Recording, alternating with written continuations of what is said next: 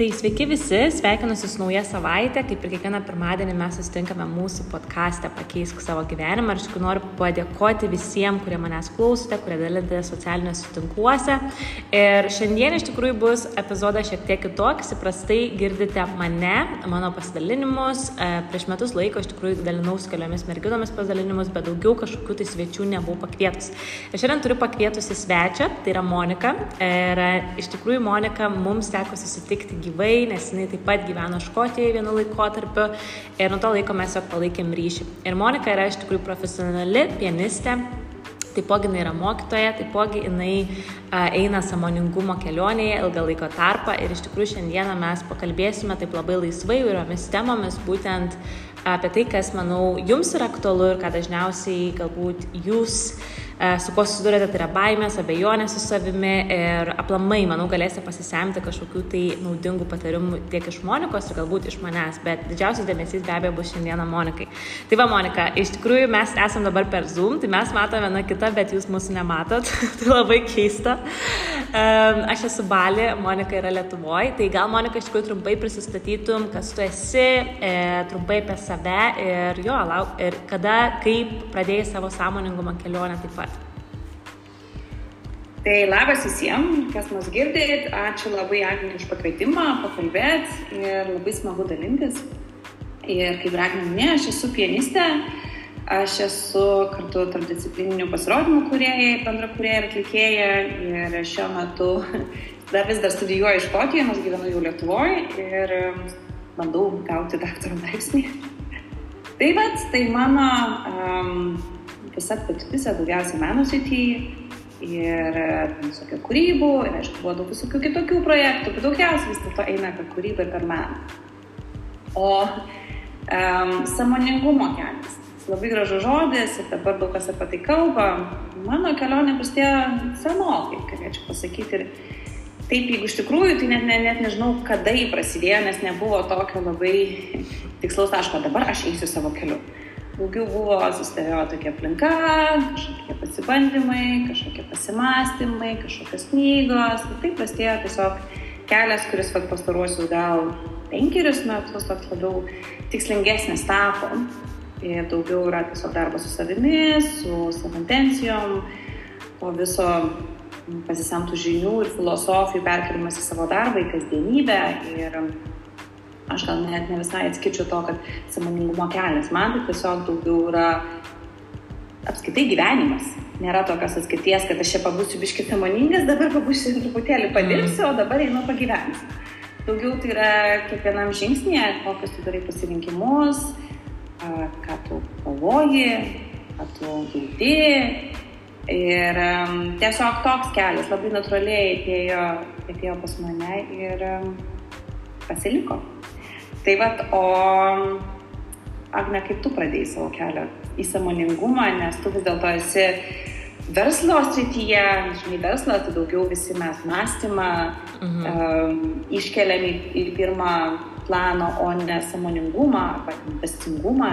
Tas kartais būna, kad, bet kas, kas, o verslininkai to labai vengia. Tai, vat, kaip prasidėjo tavo kelionė? Jo, iš tikrųjų va, labai įdomu, nes va, tu, ne, aš esu va, tinklinio marketingo srityje, aišku, su Zumba, taip pat šoku ir taip toliau, tu esi pianistė, bet esmė yra tame, kad visi mes, nes šitą podcastą aš klauso labai daug žmonių, kurie yra įvairiuose srityse, kas grožio specialistai, kas taip pat tinklinio marketingas dar kažkur, bet esmė, kad visi, visiems mums reikia iš tikrųjų to samoningumo daugiau ir mažiau, kaip tu sakai, tai neturi būti, kad darau savaitę ir paskui dinksta, bet tai turėtų būti jūsų kaip ir gyvenimo būdas, nes tikrai šiais laikais labai populiaru apsimesti to sąmonę sąmoningu žmogum, o iš tikrųjų tu visai kitaip ten gyveni. Bet pas manęs iš tikrųjų, kodėl aš galbūt tiek daug gerai akcentuoju ir savo komandą esu sukūrusi ir saviugdos grupę, ir iš tikrųjų tai yra tinklinio marketingo komanda, bet mes turim ir saviugdos grupę taip pat, nes iš tikrųjų bet kokioje gyvenimo srityje 80 procentų sėkmės ateis iš psichologijos, koks stiprus bus tavo mąstymas. Ir nesvarbu, ar tu esi versle, ar tu esi kažkur nežinau, va, kaip tu pianistė ne, tai va, dėl to reikėtų žmonėms suvokti tą svarbą to mąstymo. Nes aš tai supratau, kai aš pradėjau labai rimtai dirbti tikriniu marketingu ir supratau, kad jeigu aš noriu keltis šitoje srityje, aš turėsiu kelti save savo saviptos lygį ir turėsiu iš tikrųjų dirbti su tuo, nes, na, kaip tu gali kažką duoti žmonėms, jeigu tu pats neturėsi ką duoti. O vis dėlto verslas toks ir yra, kad uh, tu pristrauki žmonės prie savęs, tu turi lydinti komandą, tu turi daryti apmokymus, turi turėti ką žmonėms pasakyti ir panašiai. Ir jeigu tu neturėsi ką pasakyti ir, kaip sakant, paliesti žmonių emociškai bus labai sudėtinga, nes iš tikrųjų labai dažnai matau žmonių. Ir va šiandien iš tikrųjų susimaščiau apie tai, uh, kad būtent kompanija, kurioje aš esu, labai daug mokina to dalyko, kad kompanija su širdim. Tai mes esame ta kita kompanija, negu galbūt kitos būna kompanijos, kur tik skaičiai, skaičiai, skaičiai. Ir iš tikrųjų tai, manau, yra didžiulė sėkmė bet kokiam versle, kai tu viską darai iš širdies, nuo širdžiai ir tu iš tikrųjų tas emocijas perleidi kitiems žmonėms, o ne tik tai viskas yra apie skaičius, apie tą sausą informaciją ir panašiai, nes žmonės tiesiog nueina iš, iš šoną.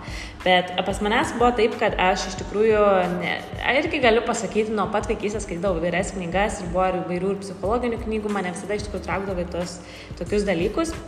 Bet taip labai iš tikrųjų traukdavo visi tie dalykai. Bet paskui, kai aš pradėjau Uh, nu, buvo toks laikotarpis prieš penkis metus, kai tikrai prastai jaučiausi psichologiškai ir tiesiog pradėjau įdomėtis labiau, stipriau, ieškoti atsakymų, kodėl aš taip jaučiuosi, kodėl aš naktimis nemiegu, kodėl aš jaučiu nerimą, kodėl yra taip, kodėl tas ir tas. Žodžiu, ir pradėjau tiesiog gilintis labiau ir pradėti užsiminėti įvairiomis praktikomis, kurios tiesiog man padėjo nusiraminti ir šiek tiek galbūt daugiau suprasti apie save, nes, nu, vėlgi gal tai kažkas atėjo iš vaikystės, gal tai kažkas iš praeities, kas tiesiog išeina į paviršių anksčiau ar vėliau, su kuo mums reikia susidurti ar ne, su kokia energijos bloką ir taip toliau.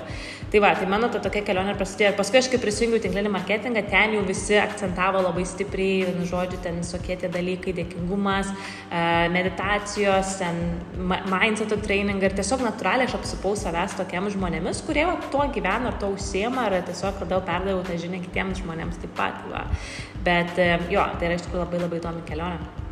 Tai galbūt Ir galbūt vat, irgi vat, iš savo pusės mes iš tikrųjų turėjom dar tokią vat, su Monika, vat, tą grupę, kur aš minėjau, vat, jinai buvo mūsų svečias ir labai iš tikrųjų man patiko tavo ir tiems, kas klausė, iš tikrųjų labai nuostabus atsiliepimai, bet gal nuo savęs pasidalintum, bet vis tiek savo karjerų ir aplamai, kokie buvo tavo didžiausi iššūkiai ir kaip tu juos, kaip tu su jais susitvarkiai?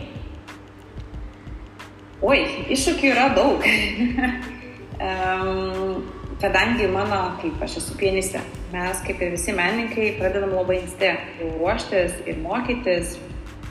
Ir aš pradėjau groti būdama ketverių metų.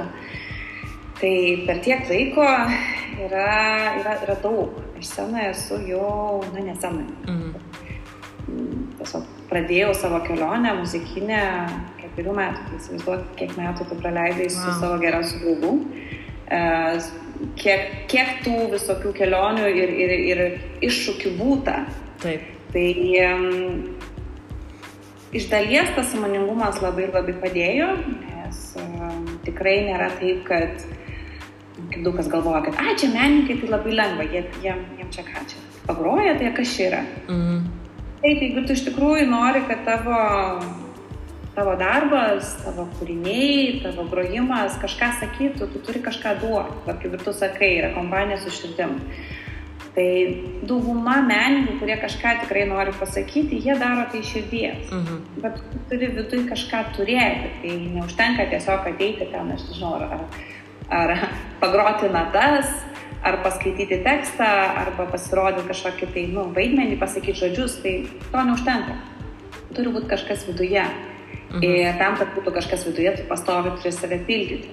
Tai Taip. tos, dažnai saviugda ir tai nebūtinai yra, kad tu ten dabar pamedituosiu ir ateisi. Nu, tas įkvėpimas ir kažkokios mintis ateina iš, iš, iš visur. Vienas mano mėgstamiausių įkvėpimo būdų yra knygos. Taip. Knygos, kiti pasirodymai, aš labai labai tą, tą, tą, tai mėgstu ir tai va, visą, laik, visą laiką turi save pildyti. Iš kitos pusės tu sakai jo, kad vat, yra labai svarbu tas mindset. Mhm. Kaip, suvokia, kaip tu žiūri pasaulio, tu eini iš negatyvumo, tu eini iš pozityvumo. Jeigu tu eini iš negatyvumo, tai tu pats užsidarai.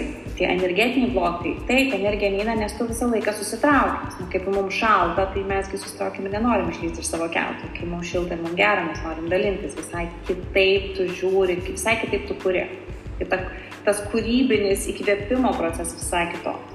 Taip. O kalbant apie kažkokius tai sudėtingesnius momentus, tai gal sakyčiau, toks būta jų daug, tikrai.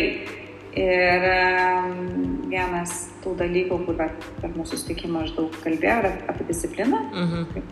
Be disciplinos tai niekaip.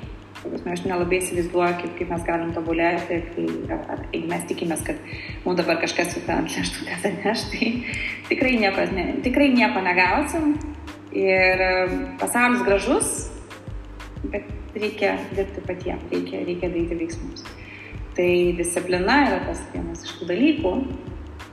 Aišku, kartais atsitinka taip, kad kažko tu negali sukontroliuoti ne, tarkim, atsitinka, yra man tikrai atsitikę, kur kūriau projektą kelis metus mhm. su labai daug širdies. Man tikrai, aš tikrai labai norėjau jo. Tikrai aš dirbau per atostogas visų laisvų laikų ir, ir tikrai įdėjau labai labai daug energijos ir meilės į tai. Ir galiausiai, kai man jau reikėjo priduoti dokumentus, mano visi aplinkiniai dėstė, sakė, viskas labai gerai, tai tavo doktorantinis projektas, mes labai tavim džiaugiamės, bet štai mes to pinigų neduosim. Sakau, palauk, palauk, mesgi tarėmės. Sako, taip, bet žinai, mes dabar pagalvojom, kad gal neduosim. Sako, aš neturiu galimybės įvykdyti projektą, jeigu jūs, nu, ne, jūs neinat su manimi bendrystė, nes projektas labai didelis. Ir tai nebuvo vien tik tai mano, tai buvo įtrauktinis projektas, mm. kuris turėtų labai daug pajamų ir pačiai akademijai. Ir tikrai būtų buvęs didelis projektas. Ir sako, jo, viskas labai gražu, viskas ant popieriaus labai gerai, bet mes neapsimsime. Ir mes tiesiog pamiršom tau prieš tos du metus, kai tu pradėjai įvykdyti, pasakyti, kad, ai, žinai, gal mes nedarysim. Ir jie matė, kaip aš du metus dirbu, klausinėjo, kaip man sekasi, sekė mano progresą, žinodami, kad jie pinigų tai nebūtų. Ką, ko pasiekoje, aišku, po dviejų metų turiu padėti tai stalčių. Ir e, nepatikėsit, kilo piktis, norėjau pasimti beisbolo lazdą ir prasėjai per langus. Uh, neprasėjau, tikrai ne, nieko nepadariau, bet pykčio buvo daug. Bet tai buvo vienas iš tų momentų, kur aš supratau, kad aš turiu pasirinkimą. Arba aš galiu apkaltinti visą pasaulį, kad toks neteisingas, kaip čia mane nuskriaudė, pabūt auka, pabūt vaikų. Vietom to aš žinojau jau, kadangi aplinkoje daug sąmoningų žmonių, kad pyktis yra labai graži energija, kurią tu gali pakeisti kūrybingu. Mhm. Ir va tai buvo vienas iš tų momentų, kur aš sąmoningai, būdama labai labai pikta, panaudojau tą energiją sukurti naują projektą ir naują projektą aš parašiau labai labai greitai. Tikrai aš tiesiog net negalvodama atsisėdau, rašiau, kas ateina, aš suprantu, kad ką aš mėgstu, kas man patinka, bet aš žinau, kad aš turiu padaryti muziką, nes tai yra mano doktorantūra, man patinka tekstas. Mhm. Aš tiesiog, ai, bus projektas apie muziką ir tekstą. Nežinau, kur eis, kodėl eis, bet aš iš pykčio galvoju, va dabar, va, nusiųsiu savo visiems vadovam, nu tiesiog pasiimkit. Kerštai. Nu, toks lemtas. Um, ir paskui pradėjau daryti tiesiog, kas man patinka. Visiškai neklausti nei ką jie galvoja apie tai, nei, nei kodėl jie nori, nenori išgirsti. Aš pasirinkau temą, kuri man tuo metu buvo opi, o tema buvo atsakomybės prisėmimas. Ir aš prisėmiau atsakomybę, kad vat, tas projektas, kuris žlugo, tai yra mano atsakomybė. Aš tą pritraukiau todėl, kad man to reikėjo. Ir nesuvokdama, kodėl, kaip aš net nekvesionavau to. Aš tiesiog prisėmė atsakomybę, kad yra mano darbas. Ir aš galiu pasėdėti paverti, arba aš galiu atsistoti ir sakyti, okei, okay, gal aš nesuvokiu, kodėl aš tą padariau. Gal atsakymas ateis vėliau, gal neteis, bet aš einu kur toliau. Ir aš sukūriau projektą, kuris išsitoliojo į labai labai įdomią patirtį, Labai džiaugiuosi, kad e, tas pirmas projektas užlugo. po metų aš supratau, kodėl jis turėjo sužlugti. Realiai, ačiū Dievui, kad jis užlugo. Ir nepaisant to, kad atėjo COVID, ir tas kitas projektas irgi nukentėjo vien dėl to, kad atėjo COVID, man buvo visiškai vienodai, nes buvau labai laiminga, ką aš atradau, kiek aš pasisėmiau intelektualiai, nes atradau vieną nuostabų dramaturgą, britų uh, Howard Barker, kuris man, aš perskaičiau nežinau, kiek knygų ruoždamas tam projektui, turbūt apie kokių 40. Tikrai skaičiau, domėjausi, dariau tai, kas man patinka, be jokios kaltės, be jokių varžymų. Ir tai pakreipė mano visą doktorantūrą, mano karjerą. Nes vietom to, kad aš būčiau vien tik tai pianistė, aš perėjau į tarpdisciplininius pasirodymus. Ir jau antras projektas, kurį aš darau, yra toje srityje, Maža to, į tą pasirodymą mano atėjo mamos kolegė ir pakvietė mane dalyvauti vienam iš spektaklių, kurios, kuris buvo kūriamas, dabar jau kelintai jau antras sezonas, tai mes rodom tik spektaklį, aš jame dalyvauju. Ir tai labai labai smagi patirtis. Ir kartais man vat, mhm, toks labai, aš naudoju tik pavyzdį, kad vienas duris susidaro, bet atsidaro visai kitokios, kur tu net nebūtum pagalvojęs, kad aš galėčiau tai daryti. Aš žinau, kad man smagu žiūrėti tokius pasirodymus. Bet ar aš būčiau daręs, aš būčiau sakius savo, kad aš negaliu. Mhm. Nes aš patirties, nes nu, kažkokios baimės. O iš to pykčio, kur aš net nepagalvoju, sukūriau, aš atidariau visai kitas duris.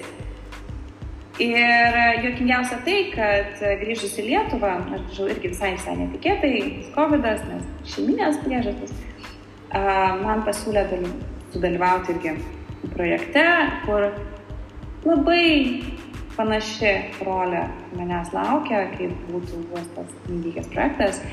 Ir aš pasibandžiau, ką reiškia turėti tą patirtį. Ir Taip. ta patirtis man nelabai patiko. Ne tai, kad buvo blogai, buvo smagu, buvo faina.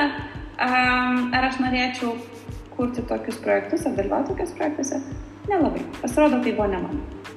Tai vad kaip gražiai kartais visada tave apsaugo Taip. ir tu net nesuvoki. Taip. Bet uh, aš pasirinkau prisimti atsakomybę, ne, supykti, supykau, taip, bet aš nekaltinau kitų.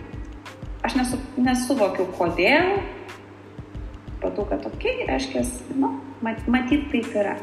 Kartais taip. ateina suvokimas po metų, reikia palaukti. Uh, bet tai buvo vienas iš tų momentų, kur vat, um, man pasisekė ir ačiū Dievui mano aplinkai ir labai dėkinga žmonėm, kurie mane palaikė. Kad aš galėjau vat,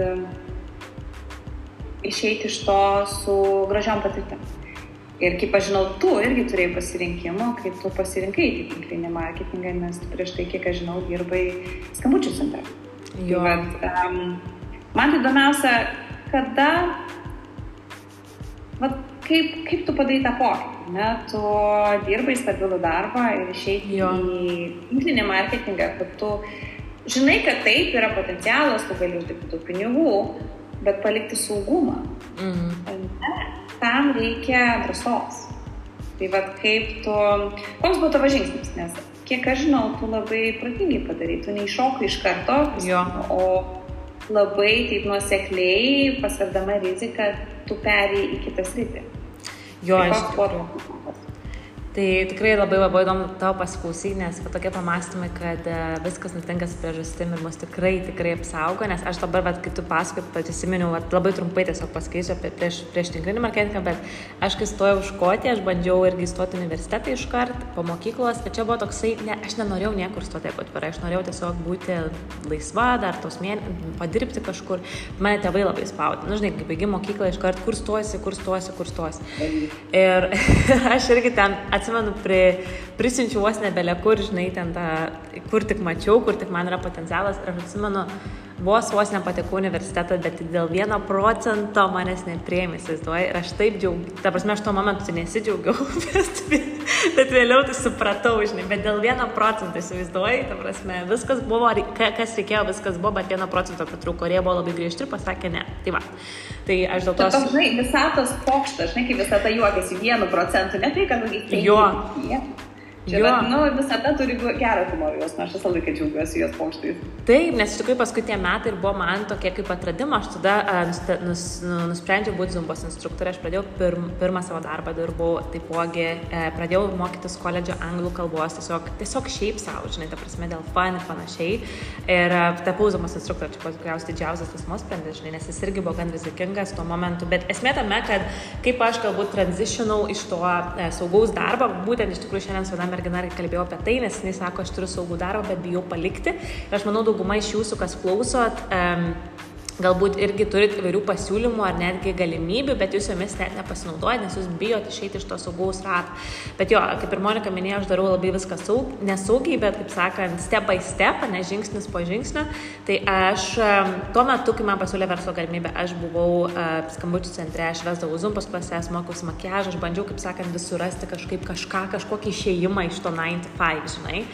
Ir aš vis dėlto prieimiau galim, tą galimybę, nusprendžiau prisijungti, buvau skeptiška, bet aš tiesiog viskas tačiau, taip sakant, um, pašonė. Tai pavyzdžiui, dienos tarpuose, ne, va, e, kai žmonės galbūt va, skrolina, ten nežinau, plepa su draugais, dar kažką, aš tiesiog tą laikotarpį naudodavau būtent, kaip sakant, darbui tam, ką, ką reikia daryti šitoje veikloje, ar ne. Ir aš tai vis darydavau, darydavau, darydavau, važiuodavau kiek daugiau renginių, uh, visokie seminarai, kur kas nors zoomai vyksta, tada jungiuosi, tada bandau išmokti ir panašiai. Ir iš tikrųjų po šešių mėnesių aš susimažinau darbo valandas. E, nuo pilno etato iki pusę etato. Ir iš tikrųjų, neslėpsiu, tuo metu irgi buvo tas toksai Uh, nu, ką žinai, kaip čia, žinai, bus, ta prasme. Nu, vis tiek buvo tas toksai, kaip sakant, žinai, ta šimpanzė galvoja, bando ten įtikinti, kad čia vis tiek kažkokia nesąmonė, tu dabar prarasi pinigus, vos ne per pusę tavo alga keičiasi ir taip toliau, ir taip toliau. Bet aš tą pagalvoju, bet okei, okay, uh, tai man reikės dabar daugiau pajamų ar ne iš, iš, iš tinklinio marketingo, bet aš žinau, kad aš galiu, nes aš įdėsiu daugiau laiko. Tai logiškai mąstant, jeigu aš įdėsiu daugiau laiko, aš daugiau ir turėsiu. Tai va, tai dėl to aš prieimiau, tai buvo labai labai geras sprendimas, nes iš tikrųjų aš turėjau daugiau laiko, aš turėjau daugiau laiko susitikimams, aš turėjau daugiau laiko skambučiams, daugiau galėjau paremti tą mano dabartinę, tuometinę komandą, nes nu, realiai, kai aš dirbdavau pilno tatų, vezo klasės buvo labai labai sunku, juos visus palaikyti ir panašiai.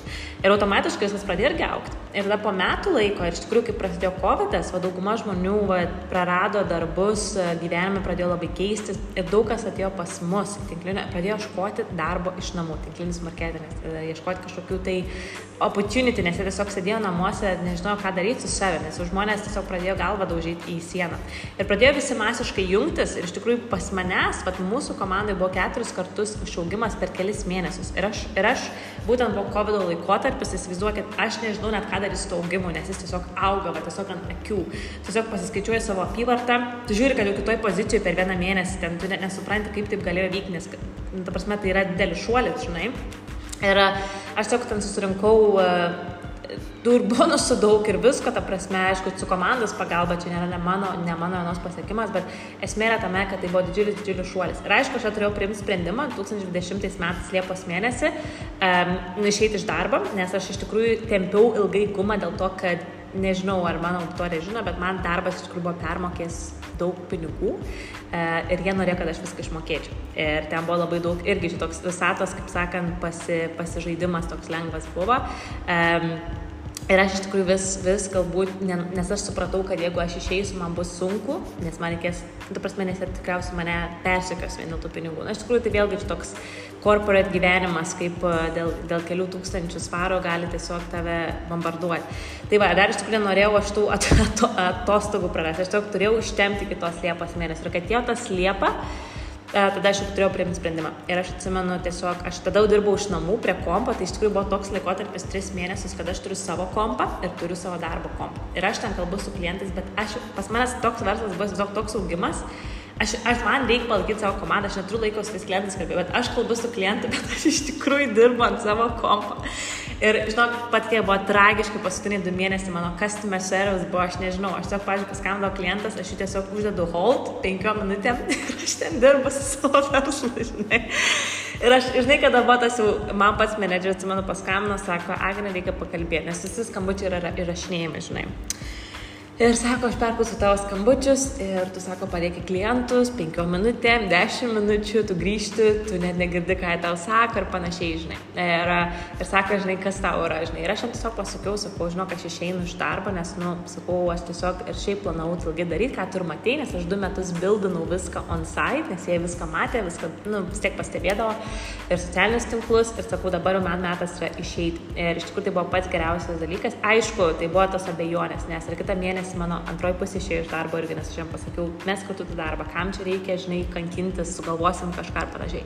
Be abejo, buvo tas toksai, tu nebeturi to saugaus kupolo. Žinai, tas buvo, tas, tas ta pati pradžia, tai kai tu išeini iš to darbo, tai tikrai jinai yra tokia kistoka, nes tu nebeturi to saugaus atlyginimo, kuris pas tave vis tiek įkris, kad ir kiek ten įkrisdavo, vis tiek jisai įkrisdavo ir nebebuvo nei pas mane, nei pas jį. Ir tu tada pagalvoji, okei, okay, tai šitas, šitas tinklinis marketingas dabar turi visada išlaikyti tai, ką mes turim nuolatos, prasme, nes nebėra kelio atgal, žinai.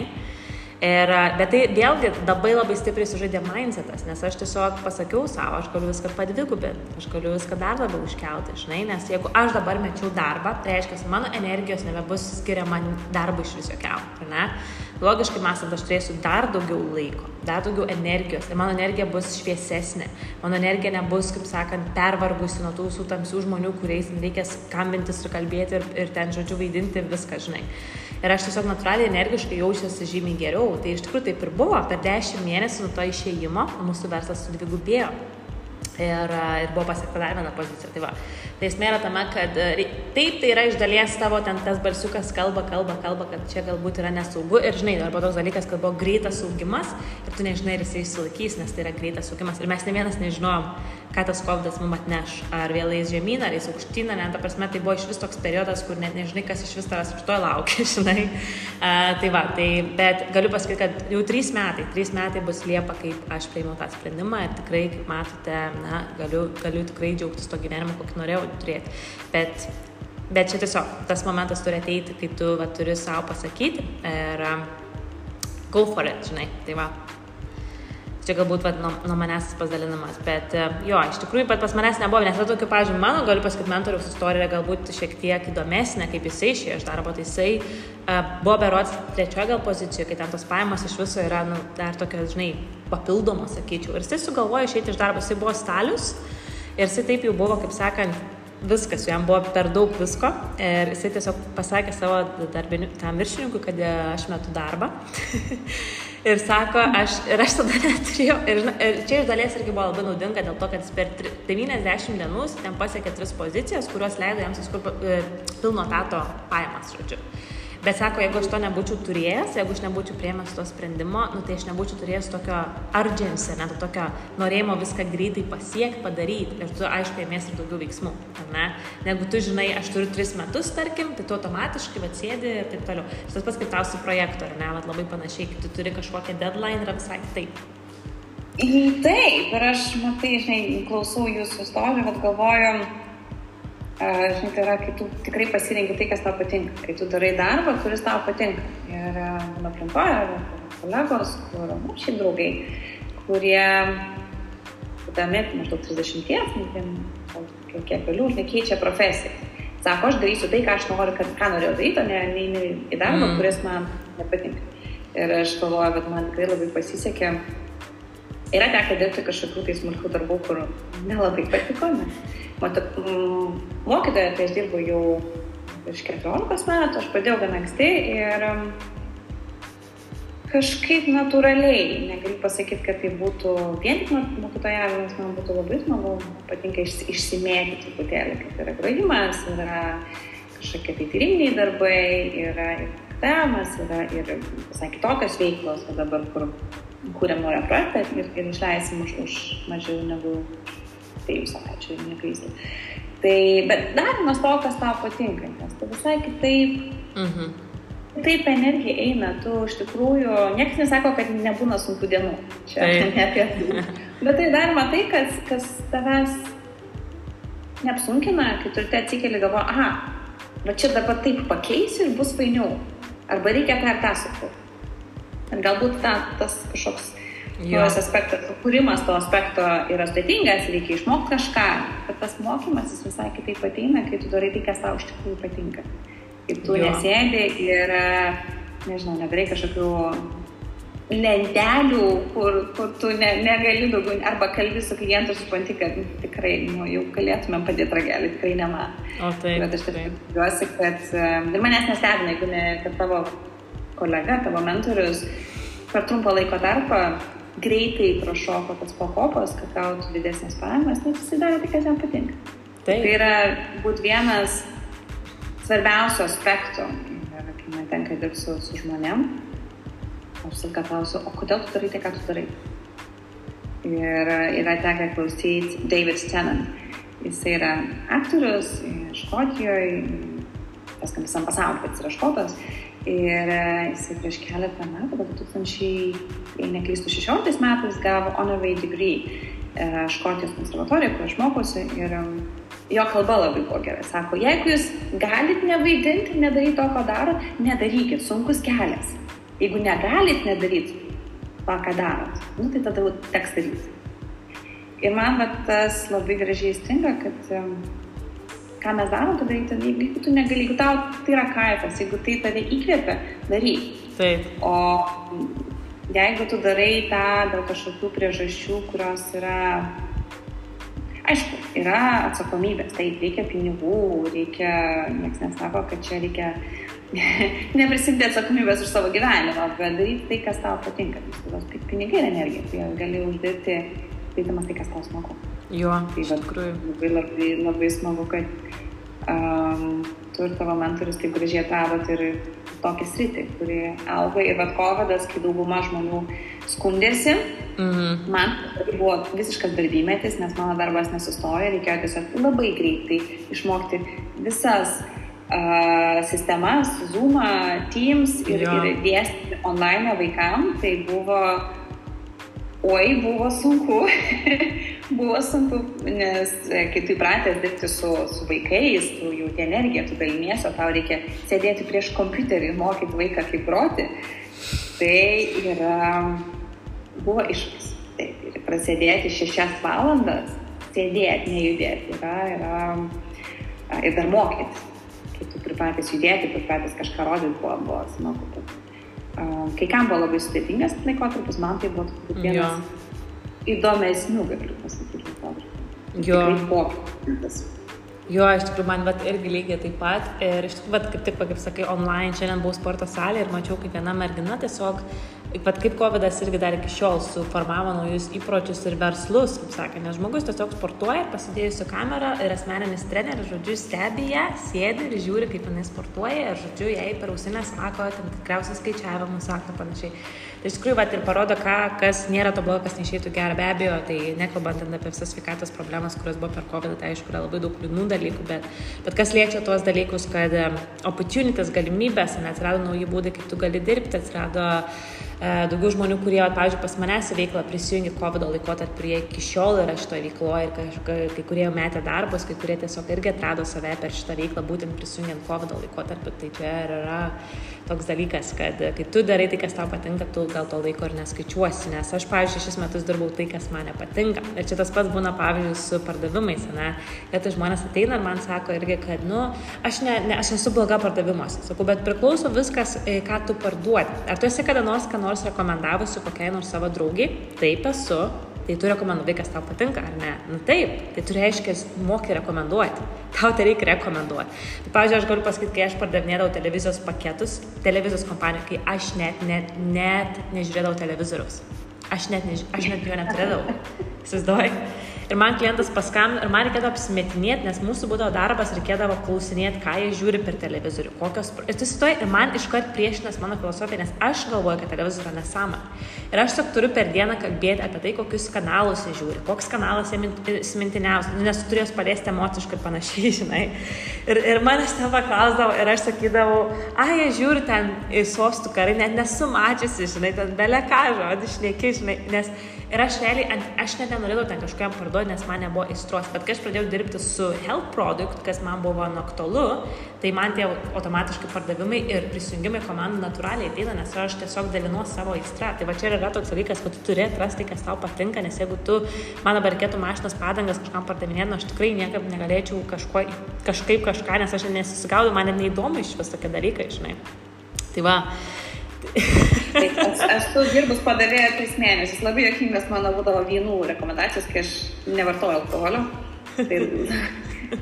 Atsimenu, aš buvau išmokus, kuriuos rekomenduoti, nes nieko, visiškai nieko nesuprantu ir jau klausdavo ten, o kokias vynogas, palaukit, kai iš jų pasižiūrėti.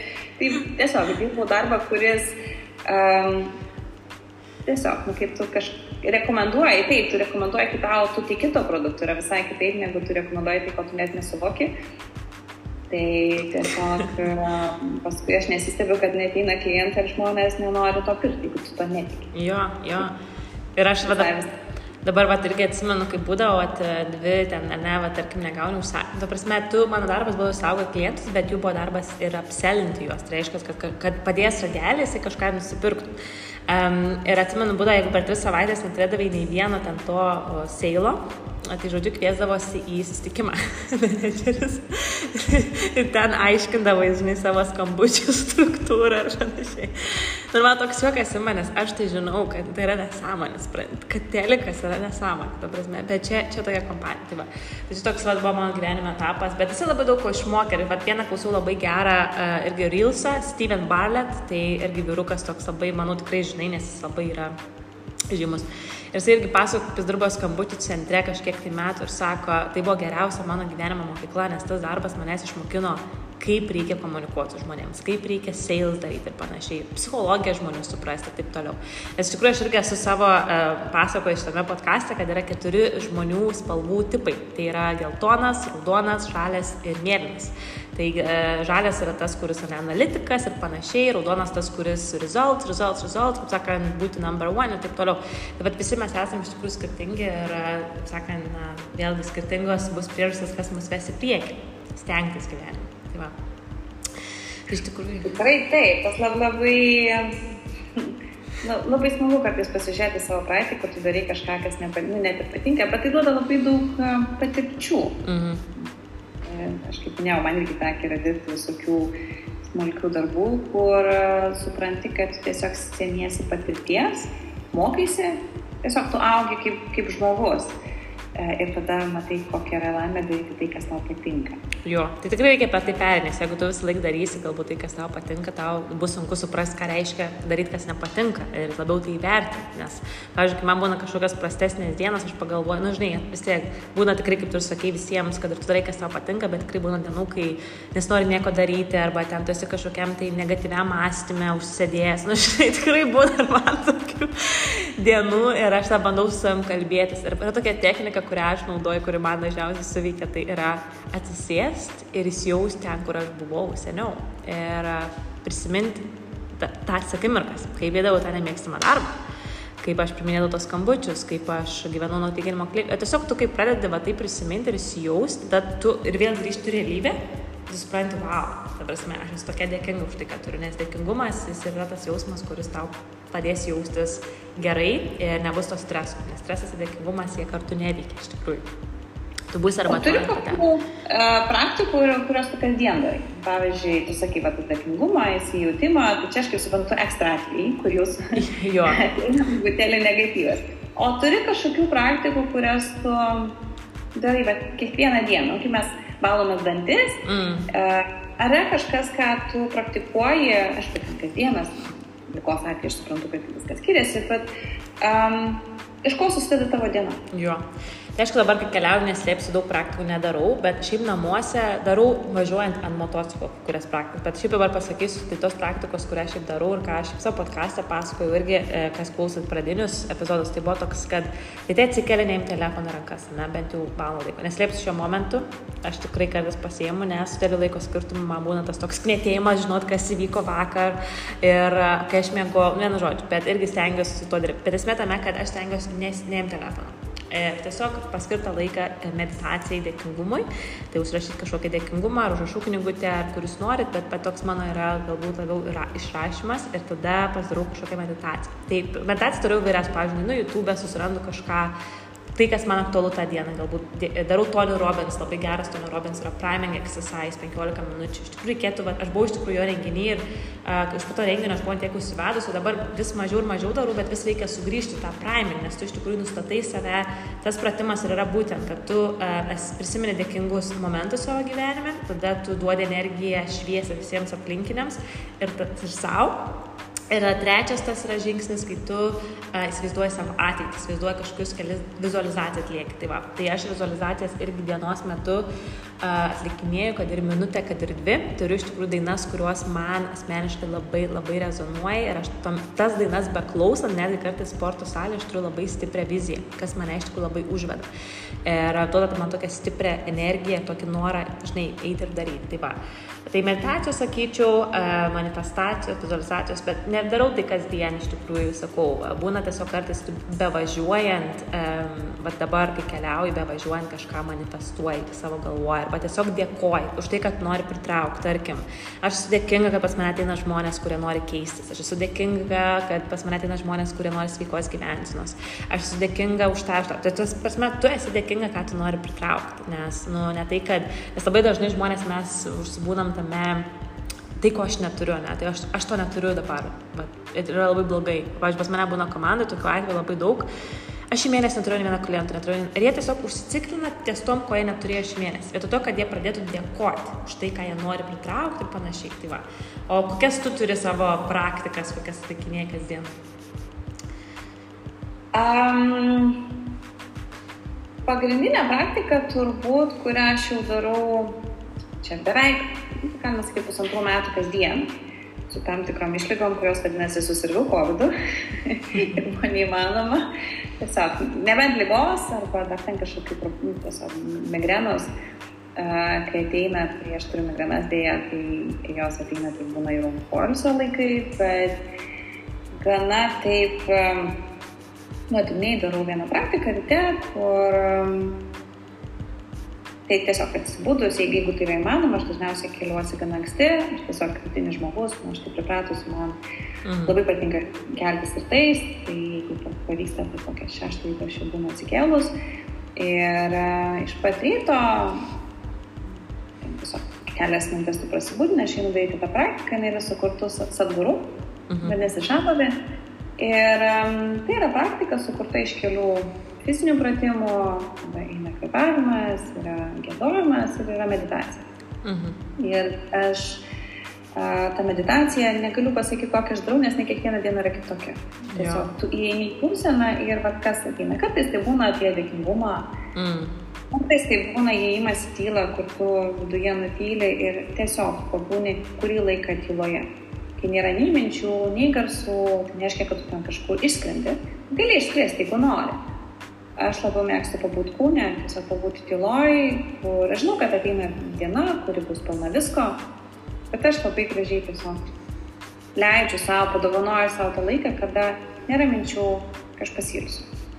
Ir paskui yra eina sportas, tai uh, aš mėgstu bėgioti, jeigu gražus oras, jeigu ne, tai tada kažkokios jogos asanos, kažkokie tai pratimai, tiesiog pabudinti kūną ir pasibūti su kūnu, kadangi labai daug mūsų informacijos yra kūne. Visi jausmai yra kūne ir jeigu aš neturiu ryšio su kūnu, kaip aš galiu save jausti.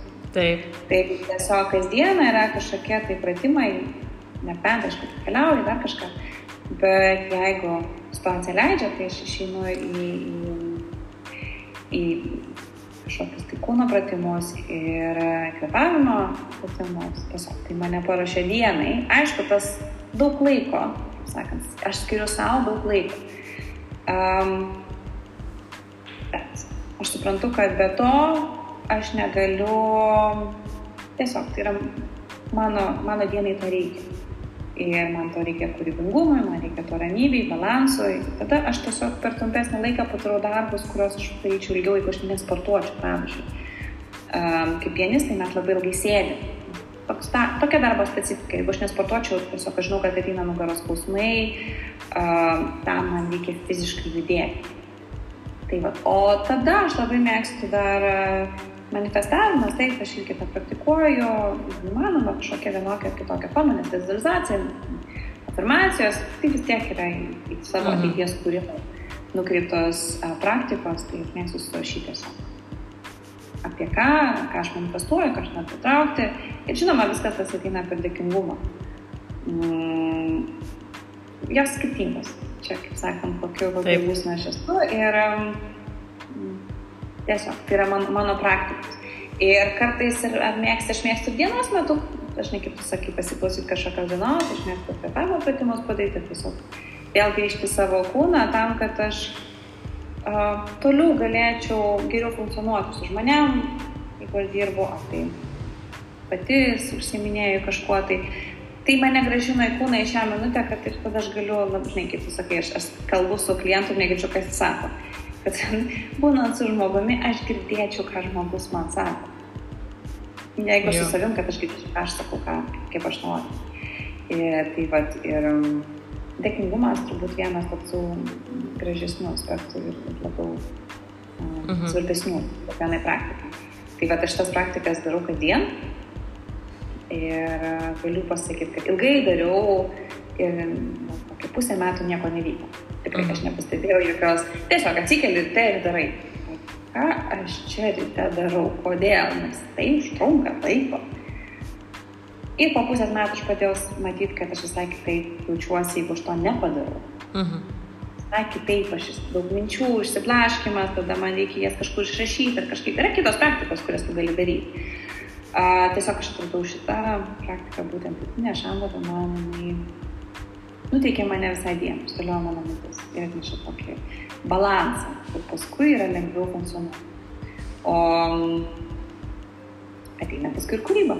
Tai vat, iš to gal tokio, žinai, kur praktikų žiūrėjimo um, ir dėliojimos ir, ir, ir filosofijų atėjo domėjimasis ir kitom praktikom ir susikūrė va, tas, kaip paminėjau, sukūrė nauji mokymai, kuriuos mes um, iš, išleisim po, po kelių. Tai vad gimė iš visai, um, nebuvo tokio tikslo, sukursim dabar mokymus. buvo tai, kad iš praktikų kažkas vėrėsi, vėrėsi, vėrėsi durys ir atėjo kūrybinis kažkoks naujas aspektas.